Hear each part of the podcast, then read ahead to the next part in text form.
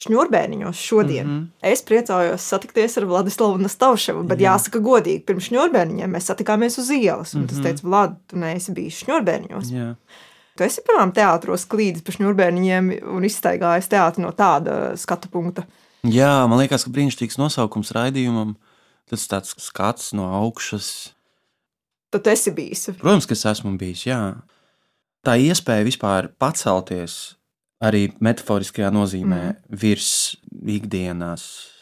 Nepārāk bieži arī mm, gadās. Tas ir arī no vienas puses spēja pacelties virs un no augšas mēģināt paskatīties uz to. Līdz ar to es domāju, ka brīnišķīgs nosaukums raidījumam. Es pat tā varbūt nebiju iecerējis, bet es gribu atsaukt atmiņā asinskāsu mūsu sadarbību. Un, ņemot vērā, ka publika sēdējusi skatuves, tad ļoti bieži arī skaņa pūlis bija ļoti augstu pie pēdējās skatītāja rindas, un ļoti bieži tur bija tu pats. Un, un vai ir vēl izrādes, ko tev ir sanācis skatīties, ka tu no augšas skaties uz to, ko tu esi izdarījis? Nu, jā, ja ir te dažreiz bija vecajā tajā ēkā, ka bija jāsēž balkonā, gan tāpēc, ka nebija vietu, gan tāpēc, ka vienkārši balkonā bija forši tur sēdēt. Un, un, jā, ģērbtuves ielas teātrī. Es sēžu vienmēr pēdējā rindā arī pie skaņotājiem tur augšā. Jā, jā, man patīk. Man patīk, tāpēc, ka tu arī redzi skatītāju. Nu, vai ne? Tu redzi to mm. visu notikumu kopā. Un, protams, kā maskas varētu salīdzināties ar to, ka tu redzi, kā skatītāji uztver notiekošo skatus. Un tas saviņo mani. Dažreiz līdz asarām vienkārši saviņo tas, ka, ka tu spēj tādā veidā savienoties ar skatītāju, jo man grūti arī atdalīt sevi. Kā es domāju, ka bieži vien gadās māksliniekiem no nu, savu darbu, mm -hmm. no, mhm. no paša esības, un, eh, un tad tā sajūta, ka, ka, jā, ka tu ar viņiem sarunājās, un viņi tevi saprot un pieņem. Šo sezonu es saprotu, tā ir opera debija. Tu debitēji ar Žoržu Bezēju pēļu zveniekiem mm. Maskavā lielajā teātrī, kameras zālē. Man pašai liekas, ka tā ir vienkārši unikāla, radoša iespēja. Tiešām es varu tikai tevi gan apsveikt, gan arī kaut kādā labā nozīmē mm. apskaust. Bet, kā ir šādos brīžos, kad tev tiek piedāvāta tāda unikāla vai vienreizēja iespēja, vai nav tā, ka tā atbildības sajūta par to darbu, kas ir jāizdara un to rezultātu, kuru tu gribētu sasniegt, ir nu, tāda jau nepanesamais esības vieglums, ka tā ir baigā tā atbildības nasta. Kā tev bija strādāt? Pie? Nu, kā, man šī bija pirmā reize pagaidām. Tūlīt sāksies otrais darbs, turpat māju vidū. Bet uh, es nezinu, varbūt tāpēc, ka es vispār neko nezināju par to operas pasauli nepārāk daudz arī zināju par pašu operu, un nepārāk daudz esmu klausījies operas. Nu, tā man tā mm. pasaule bija galīgi jauna, un varbūt tāpēc man nebija tāda nepanesīguma sajūtas, bet uh, bija pārsteidzoši ļoti viegli strādāt. Pārsteidzoši, jo es arī gaidīju, nezinu, ko lielā mērā tāpēc, ka no nezināšanas tas viss nāca. Bet uh, es knapi varu atcerēties teātrī, kad man tik viegli gāja strādājot, un gan izpratnē par materiālu pašu, gan sadarbībā ar māksliniekiem, aktieriem, dziedātājiem. Es biju pārsteigts. Es negaidīju, ka būs tik viegli, bet uh, droši vien, ka tai mūzikai tomēr ir piemīt tāds terapeitisks efekts, ka tu visu laiku tu esi citā laukā, tu atrodies enerģijas laukā, tev apkārt visu laiku skan uh, tā skaistā, brīnišķīga mūzika, un tad tu esi tādā drusku tādā citā plaknē, tu atrodies citā realitātē drusku, un tas tev aiznes vienkārši kaut kur, un tā kā es pats, man ir muzikālā izglītība, un man šķiet, ka es saprotu mūziku un jūtu to, tad man bija ļoti viegli vienkārši iet kopā ar to mūziku un skatīties, kur tā aizved. Jo dramatiskajā teātrī tādas greznības nav. Tur nav mūzikas, tev tā mūzika jāsacer no jauna, jārāda. Un es arī strādājot pie operas, sapratu, ka vienmēr teātrī, dramatiskajā teātrī, es būtībā esmu taisījis operas. Tikai tā atšķirība ir, ka dramatiskajā teātrī vai ne tā mūzika nav uzrakstīta, viņa nav sacerēta, un tev jārāda tā mūzika pašam kopā ar aktieriem. Jo es arī nedomāju, piemēram, ka mm, visiem režisoriem ir tā, ka viņiem ir sajūta, ka viņi iestudē operas, vai ne? Jo daudz iet no prāta, nevis no emocijām, kā manā gadījumā, piemēram. Un tad man sanāca tā, ka dramatiskajā teātrī man bija jādara tas dubultdarbs. Pirmkārt, tev jāsaklausa tā mūzika, un tad viņu vēl jāstrukturizē, vai ne? Un tad vēl jāaiznes tā mūzika līdz tiem aktieriem. Un nevienmēr ir tā, ka, ka aktieriem ir muzikālā dzirde, vai ne? Jo katram uh, ir dots tas, kas ir dots, uh, un daudziem tās stiprās puses ir citas, nevis dzirde, piemēram, vai ne? Bet es tomēr vados pēc dzirdes, pēc intuīcijas. Pēc tam tā ir ļoti arī tāda trauslā lieta, dzirde un intonācijas meklējumi. Un daudziem aktieriem dramatiskajā teātrī mm, nepatīk, kad režisors viņiem uh, liek intonācijas. Intonācijas vispār ir lamu vārds dramatiskajā teātrī. Jo intonācija tas ir rezultāts, pie kura katrs aktieris nonāk, kā viņam kā ļauj tā viņa iekšējā aktieriskā virtuve. Un operā tas viss nav tie visi sarežģījumi, tie barjeri, tāpēc ka tā mūzika ir jau uzrakstīta, un uh, dziedātāji viņi atnāk uz mēģinājumu, un viņi jau dzied. Viņi zina partijas, un, un jau ir labi. Un tad labākais, ko tu vari darīt, vienkārši to nesabojāt, nesačikarēt, neizdomāt kaut ko, kas, kas varētu stāties ceļā. Un izdarīt tā, lai tā mūzika vienkārši, vienkārši pat taisno no skatuves atnāktu pie tiem skatītājiem un viņus tā kā apkamtu un iegrimdētu sevi tā. Tur runāja par mūzikas terapeitisko efektu, bet uh, es, starp citu, tad, kad Viestures Kairišs iestudēja Nacionālā teātrī Salami, kur fonā visu laiku skanēja tāda uh, strausa mūzika. Es ļoti gribētu mm. redzēt to izrādi, nu, es neesmu paguvis vēl. Un mēģinājuma laikā es tieši par to domāju, ka droši vien ir ļoti dažāda mūzika, un ja tev ir kā režisoram, ja jāklausās nepārtraukti, Mm -hmm. nu, jā, ļoti, ļoti, ļoti daudz reižu. Nu, arī faktiski finālā ar aktieriem skatos viņu bija mm. jādzird daudz reižu. Vai kā tev šķiet, nav risks, ka ir atsevišķi darbi, kuri ne tikai nav terapeitiski, bet varbūt ir pat destruktīvi, nu, ka tev viņa laiku skanāsīs. Tas ir, protams, atkarīgs no materiāla, no, no konkrētās operas, teiksim tā, bet uh, Tas ir tā, jau man priekšā tagad ir pavisam kas cits. Man ir Prokofjevs, jo pirms tam bija Bizē, mm -hmm. kas ir romantisms, franču romantisms, 19. gadsimts vidus. Un tagad būs modernisms, būs Prokofjevs, kurš ir pilns ar disonansēm, pilnīgi cita stihija. Un tad ir Ravels, kur ir citi varētu būt arī izaicinājumi. Modernisms vispār ir daudz sarežģītāks par romantismu, jo modernisms jau stāsta par to iekšējo nu, kaut kādā ziņā sabrukumu. Un ir daudz fragmentētāks, un pats materiāls ir sarežģītāks, jo viņš ir modernāks. Un tad es, protams, nevaru sagaidīt, lai uzzinātu, kas man tur sagaida. Bet, uh, nu, Ieva, būs ļoti interesanti tev pastāstīt pēc tās pieredzes, kā tas bija. Jo nekad arī nevar zināt, kā būs.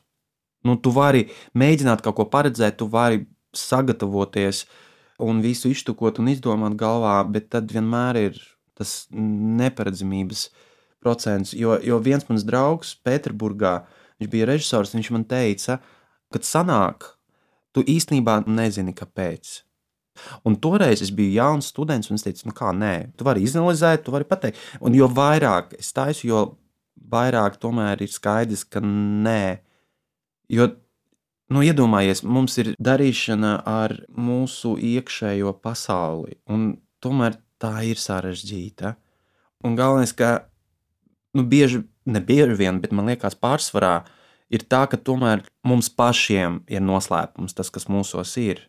Mēs to nezinām, saprotam, mēs varam tikai nojaust, varbūt, un mēs varam arī kļūdīties. Mēs varam domāt, ka mēs zinām, bet īstenībā neko mēs nezinām. Un, Un tad, nu, par kādu vispār tad, ja tas, ar ko tu nodarbojies, nu, tu gribi to uzskatīt par mākslu, vēlies tur būt, tad, jā, bet arī šovu biznesā arī tas pats. Un tas nav pats stāsts par gatavām receptēm. Ja tu varētu izdomāt visu un tad močīt līdz mūža beigām, bet tas arī nenotiek. Un tās gatavās receptes arī pienāk brīdis, kad tas vairs nestrādā. Ne? Tas pat nav stāsts par to, cik lielā mērā tu esi īsts tajā, ko tu dari. Vienkārši tas fakts, ka tu ar to nodarbojies, mm, nozīmē neparedzamību.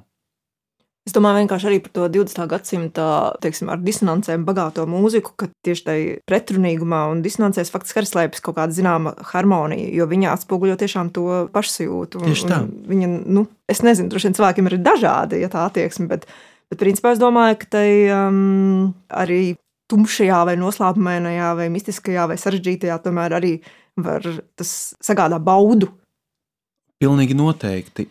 Un arī vairāk krāsu man diriģents teica, ar kuru mēs tagad strādāsim otro reizi, ar kuru mēs tikko strādājām pie tās bizē operas, un viņš teica, ka šoreiz tas būs tavs darbs.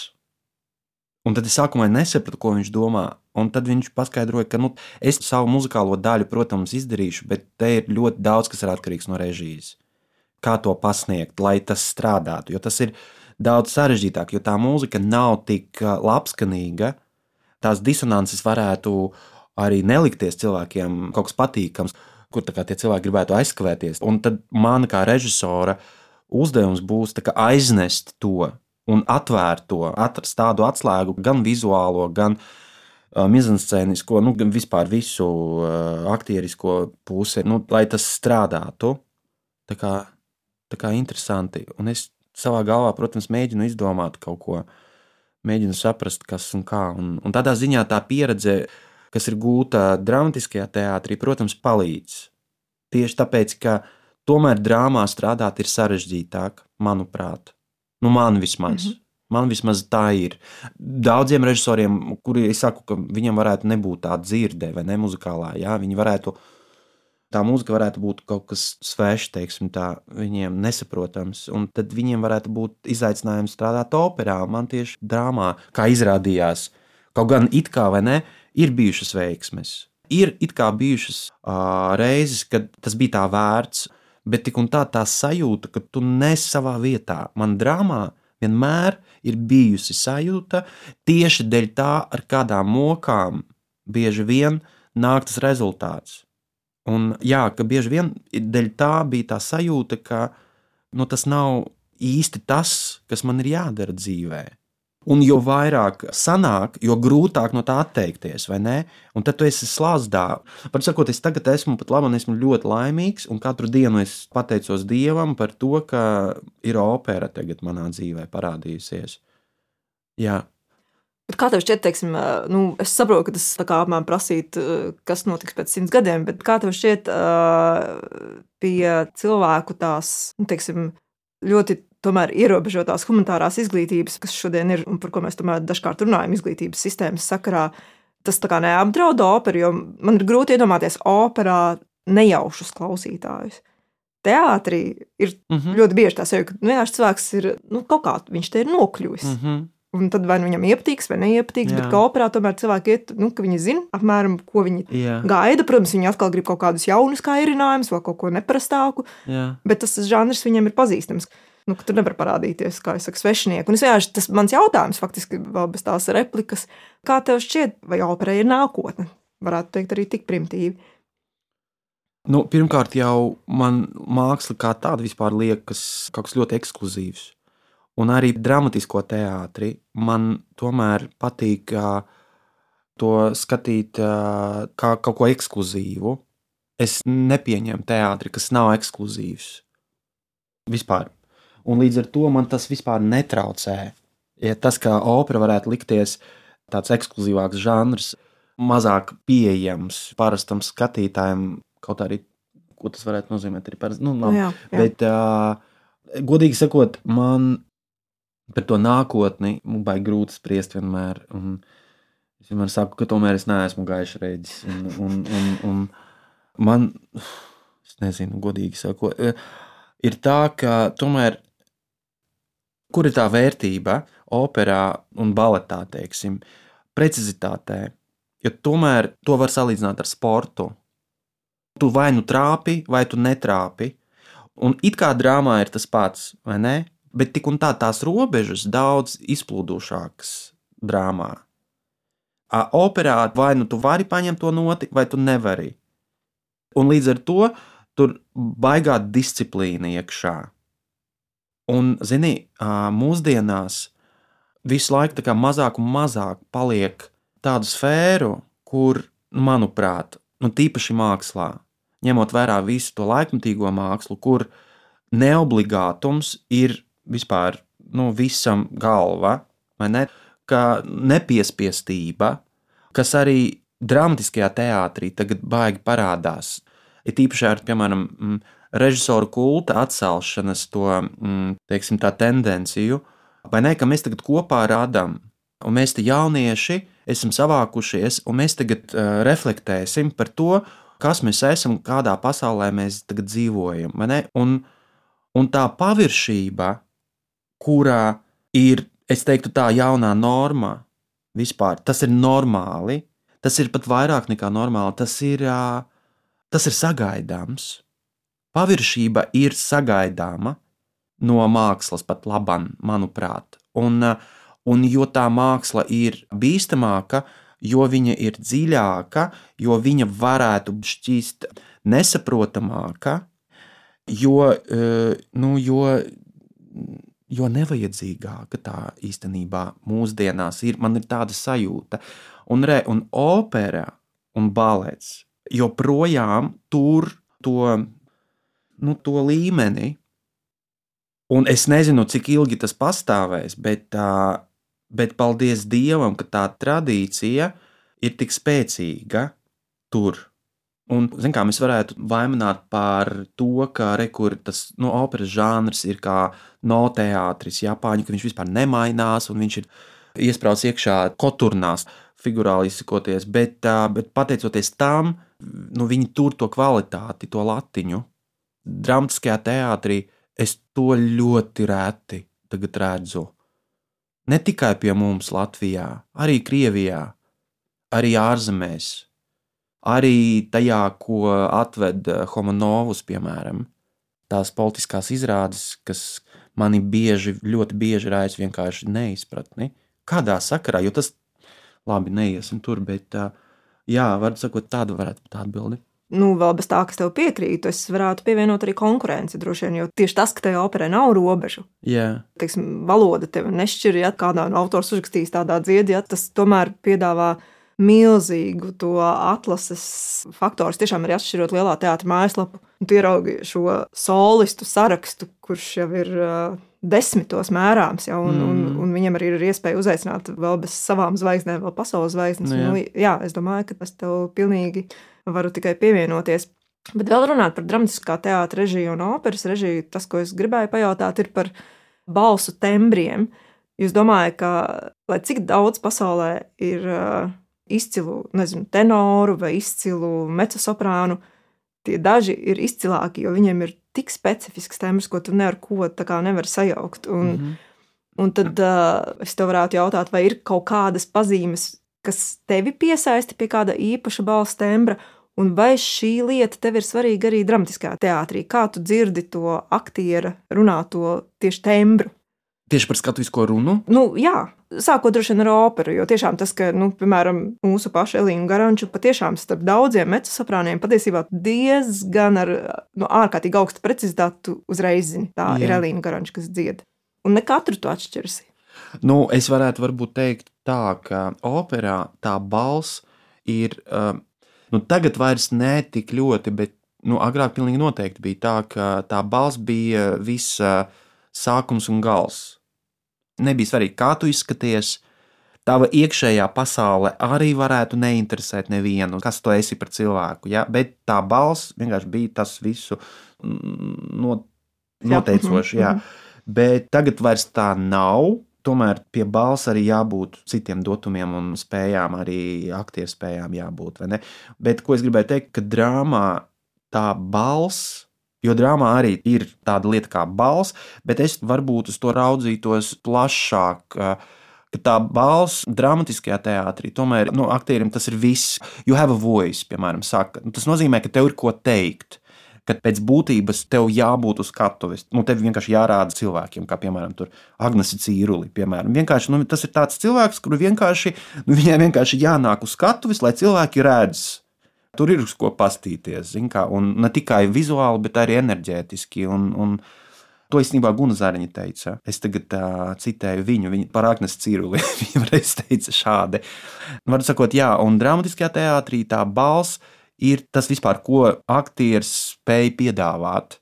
Tā ir viņa personība, tā ir viņa nu, viss aktieriskās spējas, kā tu izskaties kā tu tiec galā ar sevi dzīvē, un ko tu nes uz tās skatuves. Jo JRT aktieri ir vairāk nekā aktieri, tāpēc viņi ir tik lieli un uh, tik lieliski. Tāpēc, tur ir arī lielā mērā arī tas, kādi viņi ir cilvēki. Un, nu, sakot, tāda varētu būt tā atšķirība, varbūt, ja es nezinu, vai es pareizi atbildēju, bet uh, dramatiskā teātrī balsim ir milzīga nozīme.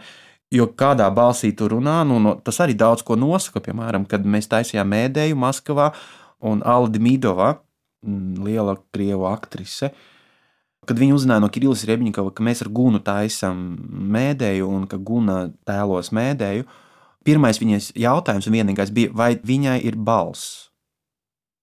Tāpēc, ka tā ir antīkā drāma, tu gribi, negribi, tur jābūt balss dotumiem. Tāpēc, ka, nu, antīkā drāmā balss bija viss, kas bija vispār. Viņiem maskas bija, vai ne? Viņi nekustējās. Tur bija akustika vai ne? Nu, par akustiku.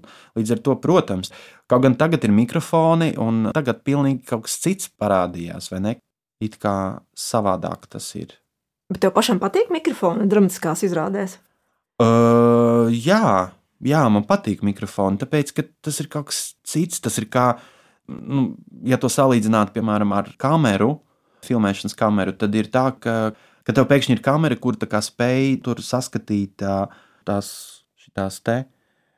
Uh, infuzorijas mm -hmm. vai amēbas pēkšņi tur redzi. Nu, tas mikrofons viņš pietuvina, un laiki jau mainās, un tas laika patos arī mainās. Un tas, kas agrāk mums likās ok, nu, mēs vairs nevaram tēlot. Man tā šķiet, vismaz pagaidām man tā šķiet, ka mēs nevaram tēlot, es gribēju teikt, ka mēs nevaram tēlot tā, ka tēlojām smilģa laikos. Nu, tomēr laiki ir mainījušies. Jā. Bet, piemēram, operā tu vari iedomāties kaut ko tādu kā balss pastiprināšana. Tas tiek lietots Jā. tur, protams. Mm. Skatītājs neredz tos mikrofonus, protams, bet, piemēram, lielā teātris vēsturiskā skatuve, viņa ir milzīga. Tur vienkārši viss sākās un beidzās ar to, vai dziedātājs spēj to piepildīt ar savu balsi. Un uh, balss tā kā ne tikai tembrs, bet arī uh, stiprums. Un, uh, nu, jā, tie mikrofoni tiek lietoti, uh, bet drāmā mēs to neslēpjam, vai ne? Tur tas tiek slēpts tomēr. Jā. Bet pie akustikas tiek strādāts. Jā, protams. Vēl es tev gribu pajautāt, tiešām viss par operu. Proti, kā no 21. gadsimta viedokļa tu tiec galā ar to, ka nu, teiksim, klasiskās operas sižets tomēr ir tāds ļoti nu, kā jau pasaka, vienkāršs, mm -hmm. komiksam līdzīgs un ārkārtīgi melodramatisks. Vai tas tev netraucē kā režisoram, ja tu vienkārši to pieņem kā spēles noteikumus? Es to pieņemu kā spēles noteikumus, un īstenībā es raugos uz operu kā uz. Man vienkārši es pieņemu operu tādu, kāda viņa ir. Es nevēlos no operas taisīt, piemēram, ko, nu, psiholoģisku izrādi, piemēram. Vai es, piemēram, nesaprotu, kad 19. gadsimta operu liek iekšā mūsdienu dekorācijās vai pārnes nu, 21. gadsimtā to, kas ir rakstīts 19. gadsimta vidū. Man liekas, ka nu, vai nu baigi jāizdomā gājiens, bet vienkārši tā ņemt un pārlikt, man liekas, tas ir bezjēdzīgi un nepareizi. Tāpēc, ka es, piemēram, tagad strādāju pie Ravēla spāņu stundu, viņam ir tāds viencelnieks, un uh, es tikko noskatījos vienu online ka viss notiek mūsdienu telpā. Nu, tur ir galds, un viss ir kā mūsdienu, tā kā viņi ar mobiliem telefoniem. Dzied labi pie tām vēl, bet manuprāt, tas nestrādā. Tas nestrādā tāpēc, ka, nu, tāpēc, ka nestrādā. Nu, nepietiek ar to, ka tu vienkārši paņem un mēģini to tuvināt mūsdienām. Tādā ziņā padarot to it kā pieejamāku. Tā tas nenotiek. Un, un manuprāt, tā mūzika vienkārši pretojās tam. Un rezultātā vienkārši nesanāk miedarbības, nesaplūst tā vizuālā un muzikālā puses kopā. Un, un, un, un kāds bija jautājums? Es aizmirsu. Nu, jā, piedos, aizrunājos. Protams, par to patiešām, ka tie sižeti dažkārt liekas jā, pietiekami jā, un man, naivi. Jo man opera ir dzēja. Rainam arī tie sižeti ir tādi, kādi tie ir. Un arī Lorkam, starp citu. Jā, kā paskatās. Melodrāma. Tādā ziņā, ka tajā var atrast uh, tādus dziļumus, ne, kuri Freidam vispār nerādījās kā murgos. Un vienkārši es pieņemu operu kā dzēju, kā. Mm, nu, tas ir tas pats, kā pateikt, piemēram, ka klasiskajā mūzikā nav psiholoģijas. Nu kā, tur tā, tas nav par cilvēku. Nē, tas ir par cilvēku. Vienkārši tas ir citā līmenī, drusku stāstīts. Un, un galvenais, ka jāsaprot arī tas, ka mūzika pati par sevi, mūzika ir daudz stāv augstāk par to sižetu. Un sižets ir kā baletā, piemēram, tas sižets ir tāds, lai, lai, lai būtu pēc iespējas vairāk uh, iemeslu dejot tiem cilvēkiem, vai ne? Tā tas sižets tiek būvēts. Vai ne? Tad operā nu, arī nu, opera ir par stiprām jūtām. Un, un, un es, piemēram, es redzēju, ka Marīnskī teātris bija, Marijas teātris bija atvedis uz Maskavu, tagad Zelta maskā nominēto Lolitu.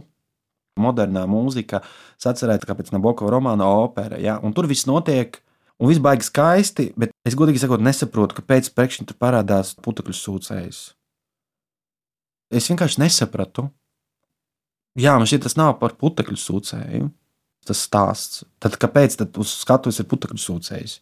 Lai ko, lai pietuvinātu, lai, lai parādītu 60. gadu tos interjerus, kā, lai pateiktu, kā tas notiek. Sakot, nesaprotu, bet jā, man tā ir kaut kas cits, tā ir kaut kāda cita, pilnīgi cita stihija. Jā. Es nezinu, vai es atbildēju, varētu nu, arī Par operu kā dzēju es tev varētu piekrist, kāpēc ne? Nu jā, un līdz ar to tur ne? pilnīgi citi mm. likumi darbojās mm. no vienas puses, vai ne? It kā tie paši cilvēki ir, mēs strādājam par cilvēkiem, nevis par citplanētiešiem. Jā. Mums ir kā saprotams lietas, bet uh, citā līmenī tas pats kā asinskāzās bija. Tas arī, kas tas īsti bija, nevar saprast. Kāpēc tieši tā izrāda, tā uzrunā skatītājus? Un tāpēc, ka tur ir kaut kāda mūzika, kaut kāds noslēpums tur ir. Un es pats arī nesaprotu, kāpēc tas ir. Nu, tāpēc, ka droši vien kaut kas no manis tur, kaut ko es tur iesēju tādu īstu, droši vien. Jā, bet, bet kas tas ir, nevar izanalizēt. Labi, šādi mēs varētu turpināt. Tas labprāt, bet jā, mums ir jā. jānopaļos. Tāpēc es tev gribu teikt lielu paldies, ka tu uzkāpi līdz šņurbēniņiem. Paldies! Uz, Un uz lai tev jā. izdodas. Jā, paldies tev!